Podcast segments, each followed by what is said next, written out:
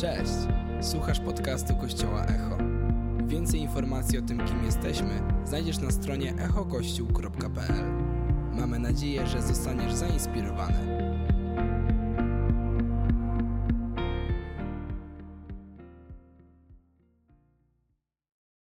Pragnę Was zobaczyć, aby dać Wam udział w jakimś duchowym darze łaski i w ten sposób umocnić Was, a dokładniej rzecz biorąc, razem z Wami doznać zachęty dzięki wspólnej wierze Waszej i mojej. To nie są moje słowa.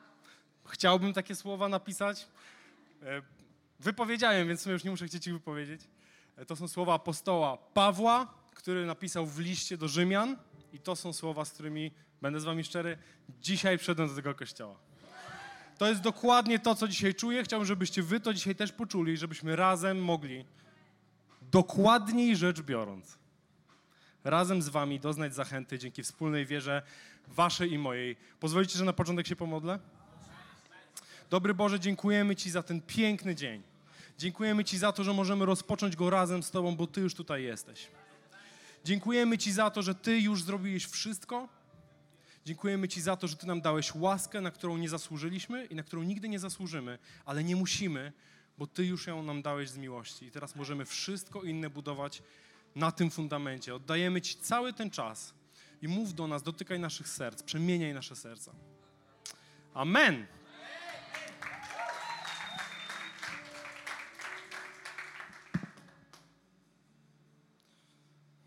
Dzięki. Słuchajcie, to teraz mogę oficjalnie powiedzieć dzień dobry kościele. Dobrze was widzieć takich licznych. Przygotowałem sobie to wcześniej z wiarą, że będzie nas bardzo dużo. Jest nas dużo, więc mogę to powiedzieć. Dobrze was widzieć takich licznych. Fajnie się uwielbia, tańczy, śpiewa, skacze i robi wszystkie inne świetne rzeczy, kiedy wszyscy wokół robią to samo, nie? To jest fajne. Jak, jak ktoś tak sam stoi, sam krzyczy i skacze, to jest tak... Trzeba mieć dużo samozaparcia, żeby w tym zostać. E, a jak wszyscy wokół to robią, to jakoś jest raźniej. Nie wiem, czy wy tak macie, ja tak mam. I słuchajcie, kontynuujemy naszą serię Trzymaj się. Kontynu- Kontynuujemy naszą serię, ale zanim powiem wam tak wprost, o czym ja dzisiaj będę mówił, będę miał przyjemność mówić, to chcę zadać wam kilka pytań, które wcześniej sobie przygotowałem, więc e, z małym zastrzeżeniem, że to są pytania głównie do gospodarzy tego kościoła. Okay? Więc proszę was o szczerość w odpowiedziach. E, jeżeli nie wiesz, czy jesteś gospodarzem, to na 99% nim nie jesteś, więc zdejmuję z ciebie presję. Nie musisz odpowiadać, jak chcesz, nikt ci nie zabroni, ale nie musisz tego robić. E, jeżeli jesteś gospodarzem, to wiesz, że mówię do ciebie. E, więc słuchajcie, mam kilka pytań, od których chcę zacząć. Pierwsze pytanie to, kto z was, drodzy gospodarze, tak serio, tak serio uważa Kościół Echo za swój duchowy dom? Super, pięknie to widzieć. E, drugie pytanie jest takie: kto odnalazł w echo budujące i szczere relacje, które powodują, że Twoje codzienne życie staje się lepsze? Czad. Trzecie pytanie jest takie: to nie są przypadkowe pytania, jakby co. Czy są tutaj osoby, które w tym kościele znalazły w innych osobach pomoc i wsparcie w trudnych chwilach? Super. I ostatnie pytanie. Ono jest takie najbardziej, wiecie, takie inne. Czy jest tu ktoś, kto w przeszłości wypełnił kartę proszę i może otwarcie przyznać, że prośba została wysłuchana, a problem rozwiązany? Super. Bardzo się cieszę z tego. E, Cieszę się, że podnosiliście ręce, że to nie było tak, że nikt nie podniósł, bo trochę by mi to pokrzyżowało plany. Ale teraz już mogę zaczynać. Słuchajcie, zaczynam od tego, bo seria Trzymaj się mówi w dużej mierze o wierze. E, Dlaczego mówię o wierze? Dlatego, że żeby trzymać się czegoś, co jest niewidoczne, to trzeba naprawdę w to wierzyć. Zgodzicie się ze mną? Trzeba mieć sobie naprawdę dużo wiary, żeby ufać Bogu, którego nie widzisz i nigdy nie zobaczyłeś. Nigdy nie widziałeś Jego ciała, które stoi przed tobą, a jednak ufasz, że to, co On mówi do ciebie jest prawdą. Trzeba mieć sobie naprawdę dużo wiary. I chcę dzisiaj nas wszystkich, łącznie ze mną, co może dla was brzmieć dziwnie, że siebie chcę zachęcić, ale siebie też chcę do tego zachęcić, e, żebyśmy chce nas zachęcić do większej wiary. Chce nas zachęcić do tego, żebyśmy wierzyli nie tyle w to, że Bóg jest, ale chce nas wszystkich zachęcić do tego, żebyśmy wierzyli w to, jaki jest. Chce nas zachęcić do tego, żebyśmy wierzyli, kim On chce być dla ciebie i dla mnie osobiście. I chce nas wszystkich zachęcić do tego, żebyśmy wierzyli w to, że On ma plan. Okay? On ma plan. I tym planem, niezależnie od tego, jakie emocje w nas to budzi, jakie myśli do tego mamy, jakie mamy doświadczenia, chcę, żeby, chcę to powiedzieć na samym początku, bo w tym kontekście będę mówić wszystko inne. Jego planem od zawsze było i dzisiaj jest Kościół. Kościół jest jego planem na uratowanie ludzkości. Ok? I zacznę od fragmentu. Dzisiaj będzie trochę fragmentów takich dłuższych, więc jeżeli ktoś z Was ma Biblię, to zachęcam do wyciągnięcia. Jak nie, to będzie tutaj. Więc zaczynamy. Ewangelia Mateusza, 16 rozdział, od 13 wersetu do 18. Gdy Jezus przybył w okolice Cezarei Filipowej, zwrócił się do swoich uczniów z pytaniem: Za kogo ludzie uważają syna człowieczego? Jedni za Jana Chrzciciela odpowiedzieli, inni za Eliasza, a jeszcze inni za Jeremiasza lub jednego z proroków. Wówczas Jezus zapytał, a według was kim jestem? Wtedy Szymon Piotr wyznał, ty jesteś Chrystusem, synem żywego Boga. W odpowiedzi Jezus zwrócił się do niego, szczęśliwy jesteś Szymonie, synu Jana, bo objawił ci to nie człowiek śmiertelny, lecz mój Ojciec, który mieszka w niebie. Oświadczam ci, ty jesteś kamieniem, a na tej skale zbuduję mój kościół i potęga śmierci nie zdoła go pokonać. Słuchajcie, dla kontekstu jesteśmy chwilę przed pierwszą zapowiedzią śmierci Jezusa. Okay? To jest bardzo ważne. Moment, w którym jesteśmy, jest bardzo ważny. Jesteśmy chwilę przed tym, kiedy po raz pierwszy zostanie zapowiedziana śmierć Jezusa. Jezus od początku wiedział, po co idzie na świat. Jezus znał plan od samego początku. Ten plan był od zawsze. I on schodząc na świat wiedział, jaki jest plan. I żył z nimi, nie mówiąc im o tym, ale wiedział. To nie jest tak, że mu to się pojawiło, wiecie, chodził sobie przez świat i stwierdził, chyba to będzie rozwiązanie. Nie, on zszedł i wiedział. Żył z nimi, wiedząc, co, co, co jego czeka, co ich czeka, i świadomie nie mówił im pewnych rzeczy do pewnego momentu. I zaraz miał zacząć zapowiadać swoją śmierć i wszystko to, co potem się dzieje, swoje zmartwychwstanie, pokonanie śmierci i wszystko, co, co dalej było, on zaraz miał zacząć zapowiadać. I słuchajcie, w obliczu tego wszystkiego, za, za, zanim zaczął przygotowywać swoich uczniów, uznał, że powie to. Ty jesteś kamieniem, a na tej skale zbuduję mój nie rząd, nie fundacje charytatywne, nie armię, czego niektórzy Żydzi oczekiwali w tamtych czasach, że przyjdzie król, który pokona najeźdźców, pokona naszym myśleniem, tak? Który przyjdzie, pokona, będzie wielki Izrael, wielka armia, potężna gospodarka, świetne prawo, świetny socjal. Niektórzy tego oczekiwali. Ale nie, on powiedział: Na tej skale zbuduję mój kościół. I pierwszy raz użył słowa kościół. I wiecie, ja, ja znam, podejrzewam, że wy też. Y, ja znam ten fragment raczej, raczej dłużej niż krócej jakby patrząc na proporcje mojego życia, to myślę, że słyszałem ten fragment w pierwszej części mojego życia pierwszy raz. E, I czytając jeszcze raz to, wiecie, doznałem takiego mikroobjawienia, które może dla niektórych z was nie będzie jakimś niczym nadzwyczajnym, ale dla mnie poniekąd, jak sobie o tym zacząłem myśleć, to też w sumie wydało się oczywiste, ale było w pewnym takim małym objawieniem. Bo Najważniejsze, co się wydarzyło, najważniejsze, co tam się stało, było kilka sekund przed tym, jak Jezus powiedział: Na tej skale zbuduję mój kościół. I to jest moment, kiedy Piotr mówi: Ty jesteś Chrystusem, synem, synem żywego Boga. A Jezus odpowiedział mu: Szczęśliwy jesteś, bo objawił ci to nie człowiek śmiertelny, lecz mój ojciec w niebie. I to prowadzi mnie do myśli, może już niektórzy z Was się domyślają, że tożsamość Jezusa jest czymś, co może objawić ojciec.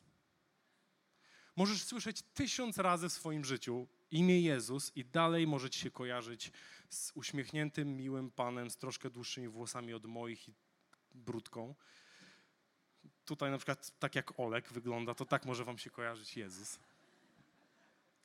I może słyszeliście tysiąc razy to imię i dalej myślicie takim popkulturowym obrazem albo kojarzy wam się z tym, co widzieliście w witrażach kościelnych i i rozumiem to, że to może pe do pewnego momentu naszego życia nic nie znaczyć, bo to, że On był człowiekiem i Bogiem, jest Bogiem cały czas jest nie do wyobrażenia dla naszego umysłu. I to, co mówi tutaj Jezus do nas wszystkich, wypowiadając te słowa do Piotra, to to, że Jego tożsamość może objawić tylko Ojciec. I jeśli Ojciec objawił Ci prawdziwą tożsamość Jezusa, to chcę Ci powiedzieć, jesteś szczęśliwy. Jesteś szczęśliwy, bo jesteś skałą, na której On będzie budował Kościół. I wiem, wiem, wiem, to był apostoł. Myślimy sobie, Piotr, założyciel Kościoła, poszedł na cały świat budować Kościół. Jezus powiedział to do niego, chcę Ci powiedzieć, nie. On powiedział do Piotra, który jeszcze nic z tych rzeczy nie zrobił, Ty jesteś skałą, na której buduję mój Kościół. I chcę powiedzieć, Olek, to jest oczywisty wybór, jesteś skałą, na której on zbuduje Kościół. Darek, Jesteś skałą, na której On zbuduje Kościół, bo, bo On objawił Ci tożsamość Jezusa, że Jezus jest Synem żywego Boga i w momencie, kiedy On objawił Ci tożsamość Jezusa, stałeś się skałą, na której On będzie budował Kościół. Emi, jesteś skałą, na której On buduje swój Kościół dzisiaj i będzie budował w przyszłości. Ja jestem skałą, na której On będzie budował Kościół. I tak jak mówię, wiecie, to wydaje się absurdalne, jak spróbuję się porównać do Piotra, wiecie. No Imię nieprzypadkowe, nie? Nie, żartuję oczywiście. Y, jakby to porównanie jest dla mnie, jakby jak, jak myślę o tym, to myślę sobie, nie, no on powiedział to do niego.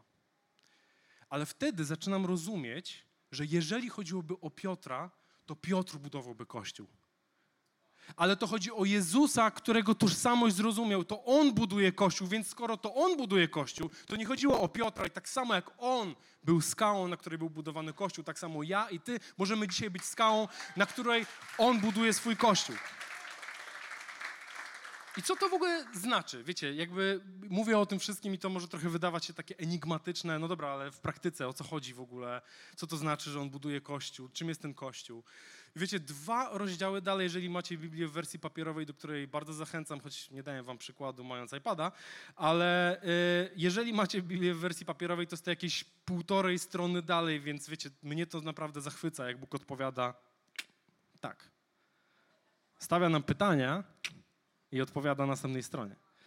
I dwa rozdziały dalej, w Ewangelii Mateusza w 18 rozdziale, jest taki fragment. Zapewniam też was, że jeśli by dwaj spośród was na ziemi uzgodnili coś, o co chcieliby prosić mojego Ojca w niebie, On spełni ich prośbę, bo gdzie dwaj lub trzej gromadzą się w moje imię, tam jestem pośród nich. Jesteśmy ludźmi, którym On objawił swoją tożsamość i w momencie, kiedy spotykamy się ze względu na Jego imię, tworząc Jego Kościół, Jego obecność jest pośród nas. I możemy razem uzgodnić, o co chcemy prosić Ojca. I On spełni naszą prośbę. Właśnie dlatego wierzymy w karty proszę i dziękuję. Wiecie, tak sobie pomyślałem, co za doskonały przykład do tego, co chcę powiedzieć. Sam sobie pochwaliłem swój przykład, ale, ale naprawdę uważam, że jest doskonały. Bo te kilka osób, kilka, kilkanaście, kilkadziesiąt, wiecie, tak te światła, ja nie do końca widziałem, ile osób podniosło rękę, um, ale te osoby, które podniosły rękę wtedy, kiedy zadawałem pytanie, kto z was może świadomie powiedzieć, że, że prośba została wysłuchana i rozwiązanie się znalazło, tak? Że Bóg odpowiedział na prośbę. To są osoby, które potwierdzają, spotkaliśmy się tu nie w dwóch, trzech, spotkaliśmy się tutaj w sto kilkadziesiąt. Dlaczego Jezus miałby nie być z nami? Dlaczego Jezus miałby nie być z nami? Skoro mówi, gdzie dwóch lub trzech, no to tutaj to tym bardziej, nie? I razem uzgodniliśmy, o co chcemy prosić Ojca w niebie. Ze względu na to, kim jesteśmy, jacy jesteśmy, w co wierzymy, zebraliśmy się razem, uzgodniliśmy, Ojcze, chcemy prosić Ciebie o tą potrzebę, o tą osobę. I te osoby, które podniosły rękę dzisiaj świadczą o tym, że słowa Jezusa nie są przeterminowane, nie mają daty ważności, tylko to, co mówił wtedy, jest aktualne dzisiaj. Amen? I chcę zrobić teraz coś, co pff, może nie robię często, ale y, nie, nie będzie to nic akrobatycznego. E, dalej będę mówił, ale po prostu troszkę inaczej. Słuchajcie, chcę zrobić coś, chcę e, powiedzieć coś do osób, do pewnej grupy osób, która może tutaj być. Um,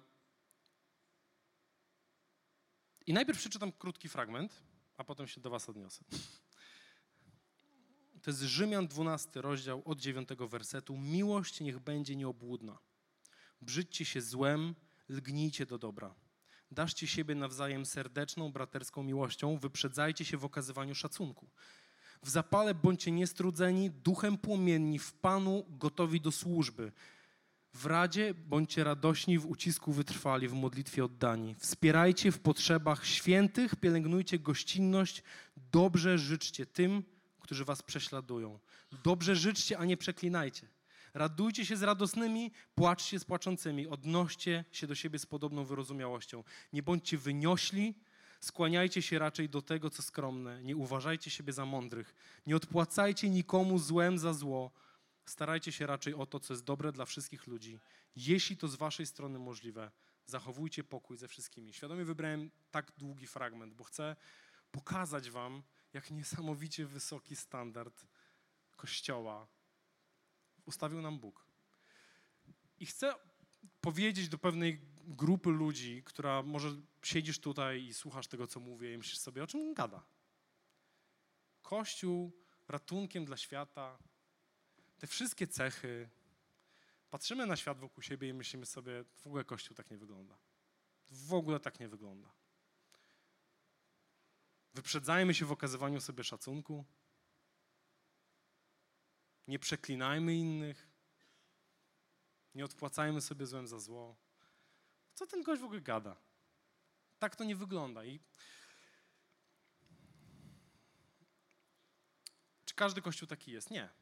Praktycznie żaden taki nie jest. I może jesteś rozczarowany tym, że kościół, który ma być moralnym wyznacznikiem dla świata, upada. I jest przepełniony zranieniem, nadużyciami, różnymi innymi takimi shady rzeczami. I byłbym co najmniej nierozsądny, a raczej musiałbym powiedzieć, że byłbym hipokrytą, gdybym powiedział wam, że nie wiem o czym mówicie i że nie kumam tego, że to nieprawda, że tego nie widzę. Byłbym hipokrytą, gdybym tak mówił, bo widzę to. I rozumiem, dlaczego możecie tak myśleć, myśleć, ale wiecie, taka myśl, która we mnie żyje bardzo mocno i i wierzę, że po prostu Duch Święty mówi to do mnie, lecząc jakieś moje doświadczenia z przeszłości i może leczyć to wasze doświadczenia z przeszłości, to to, że Kościół jest doskonałym planem dla niedoskonałych ludzi.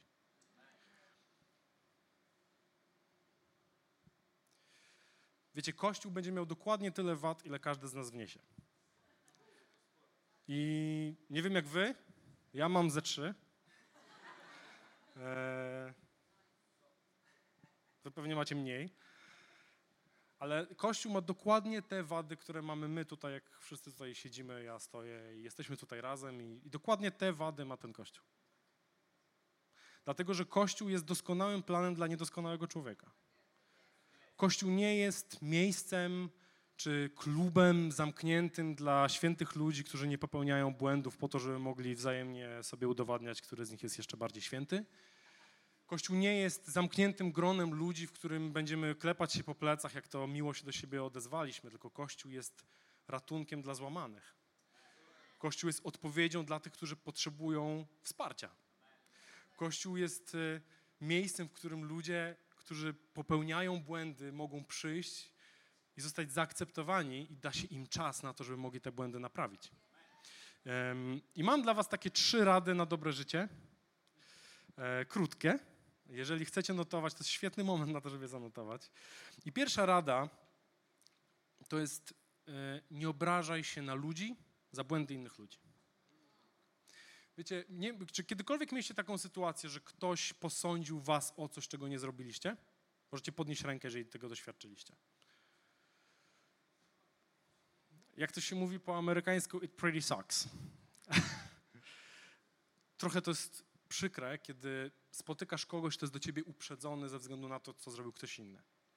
Ja tego doświadczyłem, kiedy, e, kiedy zmieniałem środowisko i wiecie, ja w liceum nie byłem jakimś super fajnym gościem, tak szczerze. E, byłem raczej gościem, z którym e, miałem bardzo wąskie grono ludzi, którzy mnie tolerowali, a inni spędzali ze mną czas tylko wtedy, kiedy musieli, bo byłem całkiem chamski. Szczerze, byłem chamski po prostu. I, i wiecie, jakby miałem taki moment kończąc liceum, że, mm, że trochę spojrzałem tak, wiecie, w lustro i pomyślałem sobie, w sumie jestem nieszczęśliwy. E, nie mam relacji, które mnie budują. Te przyjaźnie, które mam, też nie są jakieś super trwałe. Zaraz idę na studia, pewnie się skończą. I dużo ludzi wokół mnie w sumie nie lubi ze mną spędzać czasu i czuję się trochę samotny. I stwierdziłem, że chcę mieć inne życie. I poszedłem na studia i najgorsze było to, że ja, ja jestem z takiego dość, dość wąskiego środowiska muzyków, więc idąc na studia byłem otoczony ludźmi, z którymi nie byłem razem w szkole, ale, ale oni już o mnie wiedzieli. I to było strasznie przykre, kiedy poszedłem na nowy etap mojego życia z myślą zmienię swoje życie, a byłem otoczony ludźmi, którzy już byli do mnie uprzedzeni. I to boli, bo wiesz, że możesz robić co chcesz, ale ktoś już cię ocenił. I chcę, mówię to o tym dlatego, żeby was zachęcić do tego, że jeżeli dzisiaj jesteś w miejscu frustracji i rozczarowania Kościołem i może przyszedłeś tutaj nie do końca wiadomo z jakich powodów, może nie byłeś w Kościele od iluś lat, a może w ogóle nigdy nie chodziłeś do Kościoła, byłeś z domu, w którym babcia kazała w niedzielę wstawać rano i iść do Kościoła, ale w sumie kompletnie tego nie chciałeś, nie kumałeś, bo było to dla ciebie wszystko sztuczne. I może przyszedłeś dzisiaj z, z takim uprzedzeniem do tego, co możesz tutaj zaznać. To chcę ci powiedzieć, nie oceniaj ludzi za błędy innych ludzi. Daj nam szansę, daj mi szansę udowodnić że ja nie jestem taki jak ktoś inny. Okay? Druga rzecz, druga rada na dobre życie, to jest nie obrażaj się na Boga za błędy ludzi. Okay? To jest trochę tak, jakbyś miał pretensje do architekta czy projektanta wnętrz, że ci fachowiec źle zrobił mieszkanie. No trochę tak jest. Wiecie o co chodzi? Jakby Bóg stworzył doskonały plan dla niedoskonałych ludzi i on ten plan obejmuje niedoskonałych ludzi, którzy popełniają błędy. I fakt, że ktoś ciebie zranił, nie oznacza, że Bóg jest zły. To nie, jakby nie ma jednej linii między tymi dwoma punktami. Kościół jest, jakby w kościele jest, jest miejsce na wady, bo gdyby nie było miejsca na wad, to na pewno nie stałbym na tej scenie, a nie wiem, czy w ogóle bym tutaj był. I podejrzewam, że wy podobnie. Sorry, jeżeli czujecie się ocenieni. I trzecia rada na dobre życie, i ona jest chyba najtrudniejsza, to jest Twoje zranienia nie muszą być drogą innych. I co mam na myśli, to wykorzystaj swoją wyboistą drogę do tego, żeby chronić i pomagać innym. I nie popełniaj błędów, które ktoś kiedyś popełnił wobec Ciebie. To jest niesprawiedliwe, że musiałeś doświadczyć czegoś przykrego, ale ty możesz dzisiaj przerwać ten łańcuch i sprawić, że ktoś następny tego nie doświadczy. I chociaż to nie spowoduje, że twoje doświadczenia znikną i zapomnisz, zapomnisz o tym, co się działo, to możesz przerwać ten łańcuch i pomóc komuś przejść suchą stopą przez wyboistą drogę, którą ty musiałeś przejść. I dzięki temu Kościół stanie się silniejszy, dojrzalszy i bardziej pełny miłości. I może dzisiaj nie żyjemy w świecie, który jest doskonały i pewnie nigdy nie będziemy żyli, dopóki ten świat się nie skończy. I nie żyjemy w świecie doskonałym, ale możemy go poprawiać poprzez to, że nie popełniamy błędów, które ktoś popełnił w stosunku do nas. Ktoś kiedyś mnie zranił, ale to nie daje mi legitymacji do ranienia kolejnych osób. Każdy będzie miał swoje doświadczenia, każdy będzie miał swoją drogę. Nie, obej nie obejdzie się bez zranień i bez błędów. Ale nie dokładaj cegiełki do tego, żeby komuś utrudnić drogę, bo przecież on też musi przejść tą drogę. Nie musi. Naprawdę nie musi. I na sam koniec chciałbym, tak trochę podsumowując, trochę nadając jeszcze taki jeden kierunek tego wszystkiego, co mówię. Bo mówię, mówię to wszystko po to, żebyście zrozumieli moją perspektywę na to, że Kościół jest właśnie doskonałym planem, doskonałym miejscem, doskonałym otoczeniem po to, żeby niedoskonali ludzie mogli razem się zebrać ze względu na Niego, nie ze względu na nas, ze względu na Niego. I to On może leczyć nasze rany, to On może dać nam relacje, które będą nas budowały i wspierały, to On przy, przyśle do nas ludzi, którzy będą pomocą w trudnych momentach i po to jest Kościół. Kościół jest planem na ten świat, tutaj. Doskonałym planem na wieczność jest niebo, które już dla nas przygotowuje. Ale ratunkiem dla tego świata jest Kościół. Jeżeli modlisz się o super rząd, chcę ci powiedzieć, super, rób to. Jak najbardziej, to ma sens. Ale nie oczekuj, że super gospodarka, świetne prawo, mocna armia i w ogóle możliwość podróżowania po świecie, że to cię uratuje. Bo prawda jest taka, że to ci da może trochę bardziej komfortowe życie, ale ratunkiem dla świata jest Kościół, który odpowiada na twoje duchowe potrzeby jak nic innego na tym świecie. I w tym kontekście chcę powiedzieć o jeszcze jednej rzeczy. Jest to moc wspólnego uwielbienia. Ok? Może to być dla was być takie, ojejku, jak to nagle się znaleźliśmy w uwielbieniu, w ogóle o co chodzi. Ale już mówię, dlaczego, dlaczego chcę o tym powiedzieć. Um, wiecie, porusza mnie to, że możemy tutaj być razem i te same słowa, tych samych piosenek wypowiadać tacy, jacy jesteśmy, a jesteśmy zupełnie różni. I podam wam prosty przykład. Ten gość, this guy, Darek. Tydzień temu, tydzień temu, przysięgam wam, wzruszyłem się patrząc na to, jak on uwielbia. Darek jest ode mnie kilka lat starszy. Max, max 5. Jest ode mnie kilka lat starszy. Darek, ile jesteście po ślubie z Karolą? 18. 18 lat. Jedno dziecko praktycznie odchowane, drugie właśnie poszło do szkoły. Ja mam 27 lat, jestem 5 lat po ślubie i moje dziecko rodzi się za dwa miesiące. I tutaj na sali jest jeszcze, jeszcze jeden Darek, to nie jest przypadek, jest dużo Darków w tym kościele. Darek Warda, mógłbyś pomachać ręką? Darek ma 55 lat. Powiedział mi to dzisiaj, też nie wierzyłem. 55 lat, dorosłe dzieci, które mają swoje dzieci w wieku szkolnym, prowadzi swoją firmę. I tydzień temu, i w tym tygodniu, i w każdym tygodniu możemy stać razem i śpiewać, że kiedy przyjdzie silny wiatr, mój fundament będzie stać. I to znaczy coś zupełnie innego dla mnie, kiedy ja stresuję się tym, że zaraz moje dziecko się urodzi. Zupełnie co innego dla Darka, którego dzieci są odchowane i dzisiaj mają swoje dzieci. I on jest dziadkiem. A coś zupełnie innego znaczy dla drugiego Darka, który jest pośrodku tej drogi, gdzieś dokładnie między nami. To mnie to porusza moje serce, że, że, że słowa o tym, że Chrystus jest fundamentem, znaczą coś zupełnie innego, coś kompletnie innego dla osoby, która dzisiaj przeżywa sztorm i wyznaje to, wierząc, że On przyniesie rozwiązanie, a coś zupełnie innego dla osoby, która przeszła ten sztorm i z wdzięcznością uwielbia Go za to, przez co przeprowadził ją Bóg. To, co porusza moje serce, to to, że w duchowej rzeczywistości, w duchowej rzeczywistości, w jakiej tutaj jesteśmy, to jest właśnie płakanie z płaczącymi i to jest cieszenie się, radość z cieszącymi się. To, że jedna osoba potrzebuje wsparcia i ta osoba, która ma to za sobą, może wesprzeć to spłakanie z płaczącymi, ale ta sama osoba, która dzisiaj potrzebuje wsparcia, śpiewając te same słowa, może cieszyć się z tą osobą, która już przeszła, przeszła przez ten sztorm. To jest dokładnie to, o czym mówi Biblia. Płakanie z płaczącymi, radość z radosnymi. I ch chcę wam powiedzieć taką krótką historię, którą ostatnio usłyszałem. Nawet nie wiedziałem, czy ją użyję, ale stwierdziłem, że w sumie jest doskonała. Eee, chcę ją powiedzieć, bo jest to dla mnie przykład tego, o czym, o, o czym mówię, mówiąc o wspólnym uwielbieniu. Eee, to nie jest moja historia, i ja tego nie doświadczyłem, e, usłyszałem to w innym kazaniu. Od razu mówię, jak kiedyś znajdziecie w internecie, to się nie obraźcie. Od razu mówię wprost, to zostało użyte w kazaniu przez kogoś innego. Zgapiam to. Jest to historia o gościu, który e, w Australii, e, na zachodzie Australii, który jechał rano do pracy. I przyjechał na dworzec i na tym dworcu podobno, tak przeczytałem w tamtych gazetach, podobno zawsze jak są godziny szczytu, jest naprawdę ciężko wejść do pociągu ale tak w stylu, że się ludzie dopychają.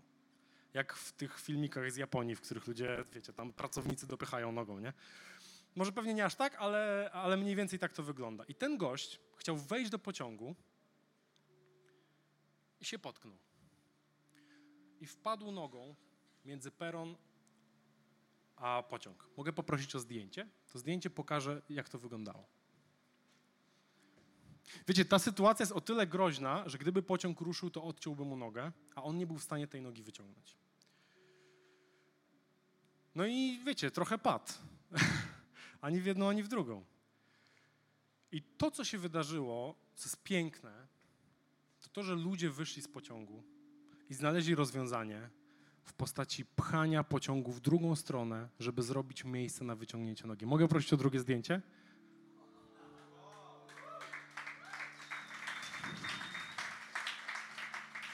Ci ludzie nawet go nie znali. Ci ludzie są z różnego kontekstu, mają różną kulturę, pochodzą z różnych krajów, mają różny kolor skóry, są w różnym wieku, pracują w różnych miejscach, mają różną sytuację rodzinną, różne poglądy polityczne, różne poglądy religijne, ale w momencie, kiedy jeden potrzebował pomocy, wysiedli z pociągu i pchali przeszkodę, żeby on mógł wyciągnąć nogę. I to jest obraz wspólnego uwielbienia, które widzę i które chcę widzieć, dlatego że kiedy jesteśmy w niedzielę, tutaj w kościele, nie zrozumcie mnie źle, zachęcam was do uwielbienia ja i Bóg w stu procentach, każdego dnia. Ale kiedy jesteśmy tu w niedzielę w kościele, to jest uwielbienie my i Bóg. To jest moment, kiedy jesteśmy my i Bóg. Kiedy tacy, jacy jesteśmy z tym, co przeżywamy, my razem uwielbiamy Jego imię. Jedni wyznając i oczekując na to, co się wydarzy, inni dziękując za to, co już się wydarzyło.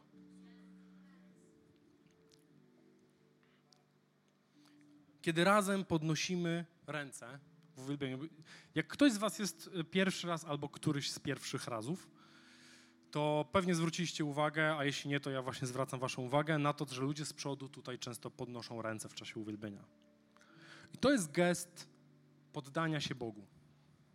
To jest gest, który mówi: Panie, ufam Tobie. Nie widzę Cię, ale chcę chwycić się niewidzialnego i zaufać Tobie, taki jaki jestem, otoczony ludźmi, którzy też są tacy, jacy są. Podnosimy razem ręce. Jeśli trzeba przepchnąć pociąg, to w ten sposób go przepchniemy. Choćby jeden z nas potrzebował wsparcia.